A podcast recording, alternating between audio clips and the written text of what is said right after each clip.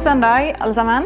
Vi er fortsatt i vår taleserie 'Slik som Jesus', der vi ser på hvordan vi som individer, men òg som fellesskap, er kalt til å formes mer og mer lik Han som vi tror på. Hvordan vi kan elske, tilgi, tjene og ta imot slik som Jesus i våre tanker, i våre ord og handlinger. Og I dag skal vi se på hvordan vi er kalt til å være ett, slik som Jesus, Faderen og Den hellige ånd er. Vi skal lese fra Johannes 17, der Jesus ber til sin far i dagene før korsfestelsen. I vers 11 så står det Jeg blir ikke lenger i verden, men de er i verden, og jeg går til deg. Hellige Far, bevar dem i ditt navn, det navnet du har gitt meg, så de kan være ett, slik som vi er ett. Og videre fra vers 20 står det Jeg ber ikke bare for dem, men også for dem som gjennom deres ord kommer til tro på meg må de alle være ett, slik du, far, er i meg og jeg i deg. Slik skal også de være i oss, for at verden skal tro at du har sendt meg. Den herlighet du har gitt meg, har jeg gitt dem, for at de skal være ett, slik vi er ett. Jeg i dem og du i meg, så de helt og fullt kan være ett. Da skal verden skjønne at du har sendt meg, og at du elsker dem slik du har elsket meg. Far, du har gitt meg dem, og jeg vil at de skal være der jeg er. Så de får se min herlighet, den du har gitt meg fordi du elsket meg før verdens grunnvoll ble lagt. Som individualister i dagens samfunn så lever vi store deler av livet på våre egne premisser. Meg, mitt og mine på min egen lille tue med stor avstand til andre mennesker som ikke er i den aller nærmeste omgangskretsen min. Og Nå har jo dette blitt enda verre enn før. Vi bruker enda mer tid for oss sjøl. Vi møter enda færre folk. For de fleste ufrivillig, selvfølgelig. Men vi har på en måte endelig fått en sånn etterlengtet legitim grunn til å sitte helt alene på Bybanen uten å hilse på noen folk. Og med munnbind på butikken så klarer ikke vi engang å dele et smil med noen lenger. Vi ser gjerne enda mer rett ned i bakken enn før, av frykt for å utstråle noe vi ikke helt mente hvis vi møter noen andres blikk. VG hadde nettopp en sak på dette med munnbindbruk med overskriften 'Slik avslører øynene deg'. Så det er jo ikke rart at vi er redde for hva vi ufrivillig kan komme til å uttrykke når vi bare har øynene våre til disposisjon. Men dette samfunnet som vi lever i, det former òg hvordan vi tenker på Kirken. Vi kan veldig lett ende opp med å være individer som kommer til gudstjeneste. Forbrukere som skal konsumere det Kirken kan gi oss. Og Dette er selvfølgelig ekstra vanskelig å utfordre nå i disse nettgudstjenestetider, men det er det jeg ønsker å gjøre litt i dag. I sine siste timer, i sin dødsangst før korset, så ber Jesus innstendig om at vi som tror, må være ett. At vi skal være ett, slik han og hans far sammen er ett. Hele fire ganger leste vi nettopp den formuleringen der. Så sentralt var dette for Jesus, denne enheten mellom alle hans etterfølgere. Treenigheten den lever i fellesskap med hverandre og er vårt aller fremste forbilde på dette. De er tre, men de er ett, forpliktet til hverandre. Forpliktelse det er et ord som vi som individualistisk samfunn skygger litt unna. Vi får hele tiden høre at det aller beste er jo å være fri. Og ha mulighet til å gjøre akkurat som vi vil, når vi vil, akkurat som vi føler. Og endre mening som vi sjøl vil. Men fellesskap, virkelig fellesskap, slik som Faderen, Sønnen og Den hellige ånd modellerer for oss, det forplikter. Å leve som ett forplikter. Å leve sammen som ett i ekteskapet forplikter. Og å leve sammen som ett i menighetsfellesskap forplikter.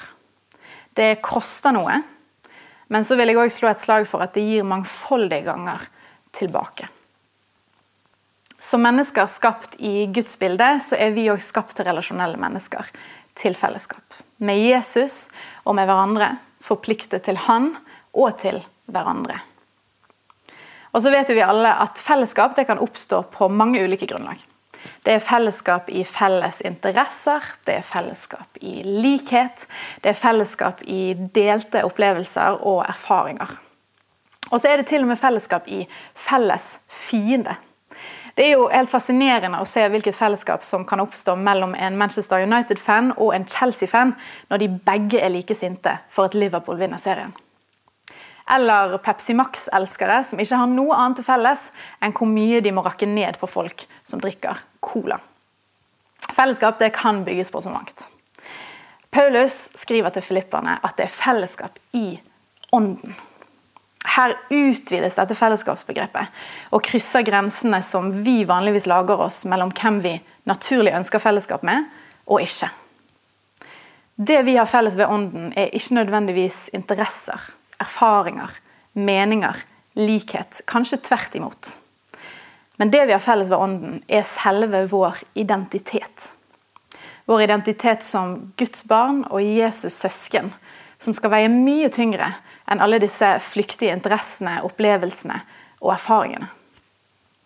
Så uten at vi har noe vi skulle sagt, skal plutselig alle troende, alle som er fylt av Guds ånd, bli del av ett og samme fellesskap, én enhet. Uten å nødvendigvis ha noen av de andre vanlige fellesskapsbyggende faktorene på plass, som likhet, som enighet. Og sånt må det jo bare bli trøbbel av. Og det blir det. Det vet vi. Paulus skriver i Filippa brevet 1.: Se bare til at dere fører et liv som er Kristi evangelium verdig. Enten jeg kommer og ser dere eller er borte, så la meg få høre at dere, dere står sammen i én ånd, kjemper med ett sinn for troen på evangeliet, og ikke på noen måte lar dere skremme av motstanderne. Dette er et tegn fra Gud, et tegn som varsler fortapelse for dem, men frelse for dere. Et liv som er Kristi evangelium verdig et menighetsliv som er Kristi evangelium verdig, er når vi står sammen i én ånd og kjemper med ett sinn for troen på evangeliet. Gjerne med enighet i mye, men kanskje òg med enighet om uenighet i noe. Jesus peker flere steder på frukten av denne enheten som han ønsker at vi skal ha oss imellom. Det er for at verden skal tro, for at verden skal skjønne hvem Jesus er, for troen på evangeliet, som Paulus skriver. Og Dette sier jo noe om hvordan denne enheten forløser en kraft i oss og mellom oss. Når troende står sammen, så kan vi være et kraftsenter for glede, for kjærlighet, for tilgivelse, for godhet. Og på den måten så skal andre få skjønne hvem Jesus er. Og det er dette som er konsekvensene av at troende velger å leve i forpliktelse til hverandre. På grunn av ånden, på tross av alt det andre.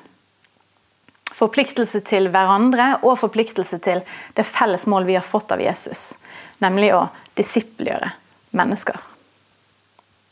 Nå skal ikke jeg favorisere noe engelsk fotballag her, men jeg er kanskje litt miljøskadet av min mann. For Alex Ferguson, tidligere manager for Manchester United, han hadde et uttrykk om enhet. Han sa 'No one is bigger than the club'. Et lag jobber sammen mot et felles mål. Sammen mot et felles mål. Ikke alene mot egne mål. Og Som menighet så er vi òg et lag, en enhet. Ikke lenger en gjeng med solospillere.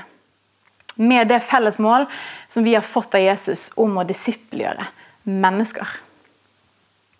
Og heldigvis for alle som ikke er spesielt interessert i fotball, så har vi noe enda sterkere som binder oss sammen. Og vi har et mye større og viktigere mål å jobbe mot. Det handler ikke lenger om at alt skal gagne meg sjøl. Og det er provoserende for en individualist som meg. Men det er sant.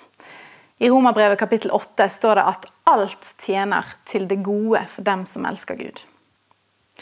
Og Faren når vi leser dette verset, det er at altfor ofte så definerer vi det gode på vår helt egen måte.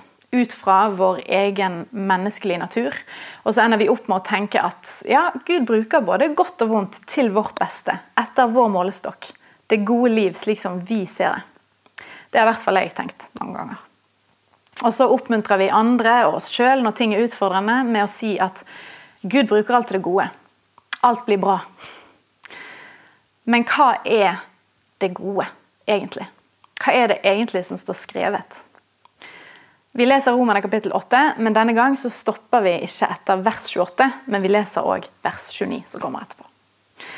Vi vet at alt tjener til det gode for dem som elsker Gud, dem han har kalt etter sin frie vilje. Dem som han på forhånd har vedkjent seg, har han også på forhånd bestemt til å bli formet etter sin sønns bilde.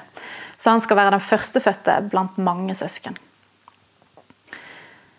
Det gode for dem som elsker Gud, er å bli formet etter hans sønns bilde. Og Det betyr jo at det gode føles kanskje ikke alltid godt.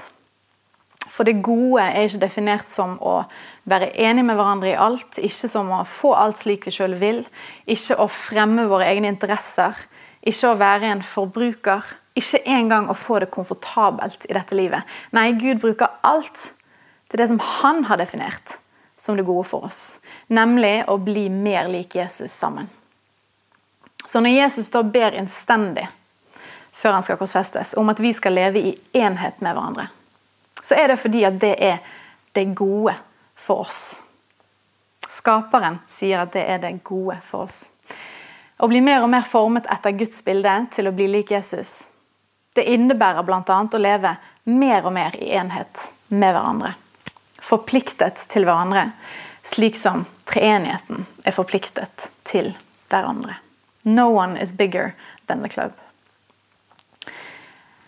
I 2. Korinterbrev kapittel 3 vers 18 står det Og vi som uten slør for ansiktet ser Herrens herlighet, som i et speil. Vi blir alle forvandlet til dette bildet. Fra herlighet til herlighet. Og dette skjer ved Herrens ånd. Ved den enheten som Ånden gir, så forvandles vi som individer og som fellesskap mer lik Jesus. Det oppleves ikke alltid godt, kanskje ikke alltid ønskelig engang der og da, og gjerne mye mer fristende i teorien enn i praksis. Men i Guds øyne, vår skaper, så er denne prosessen fra herlighet til herlighet. Det er det gode for oss. Og når et helt fellesskap som Bergen frikirke forvandles fra herlighet til herlighet til det gode, da forløses det kraft. Kraft som kjemper for troen på evangeliet, slik at andre òg kan forstå at vi er disipler av den ene sanne Gud.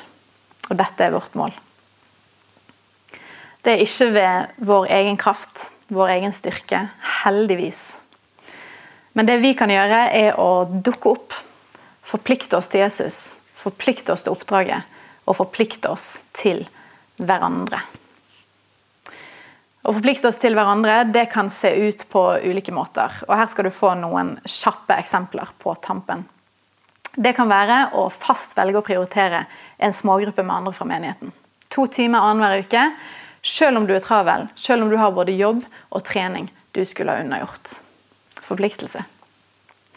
Det kan være å konsekvent velge gudstjeneste framfor tur når søndagen kommer klokken 11, klokken 12, klokken 5 eller klokken 7.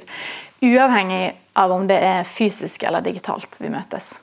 Forpliktelse. Det kan være å be for de i fellesskapet som du ikke er helt lik, og ikke har det beste forholdet med. Forpliktelse. For vår identitet som Guds barn og Jesus-søsken veier tyngre enn noe annet og gjør at vi kan stå sammen som ett på grunn av Ånden og på tross av alt det andre. Bli med og be. Takk, Jesus, for at du eh, innstendig har bedt om at vi skal være ett, slik som du og Faderen er ett. Vi tror på at du vet hva som er det beste for oss. At vår skaper vet hva som er det beste for oss, og at det er å bli mer lik deg, Jesus må du hjelpe oss å leve i enhet sammen.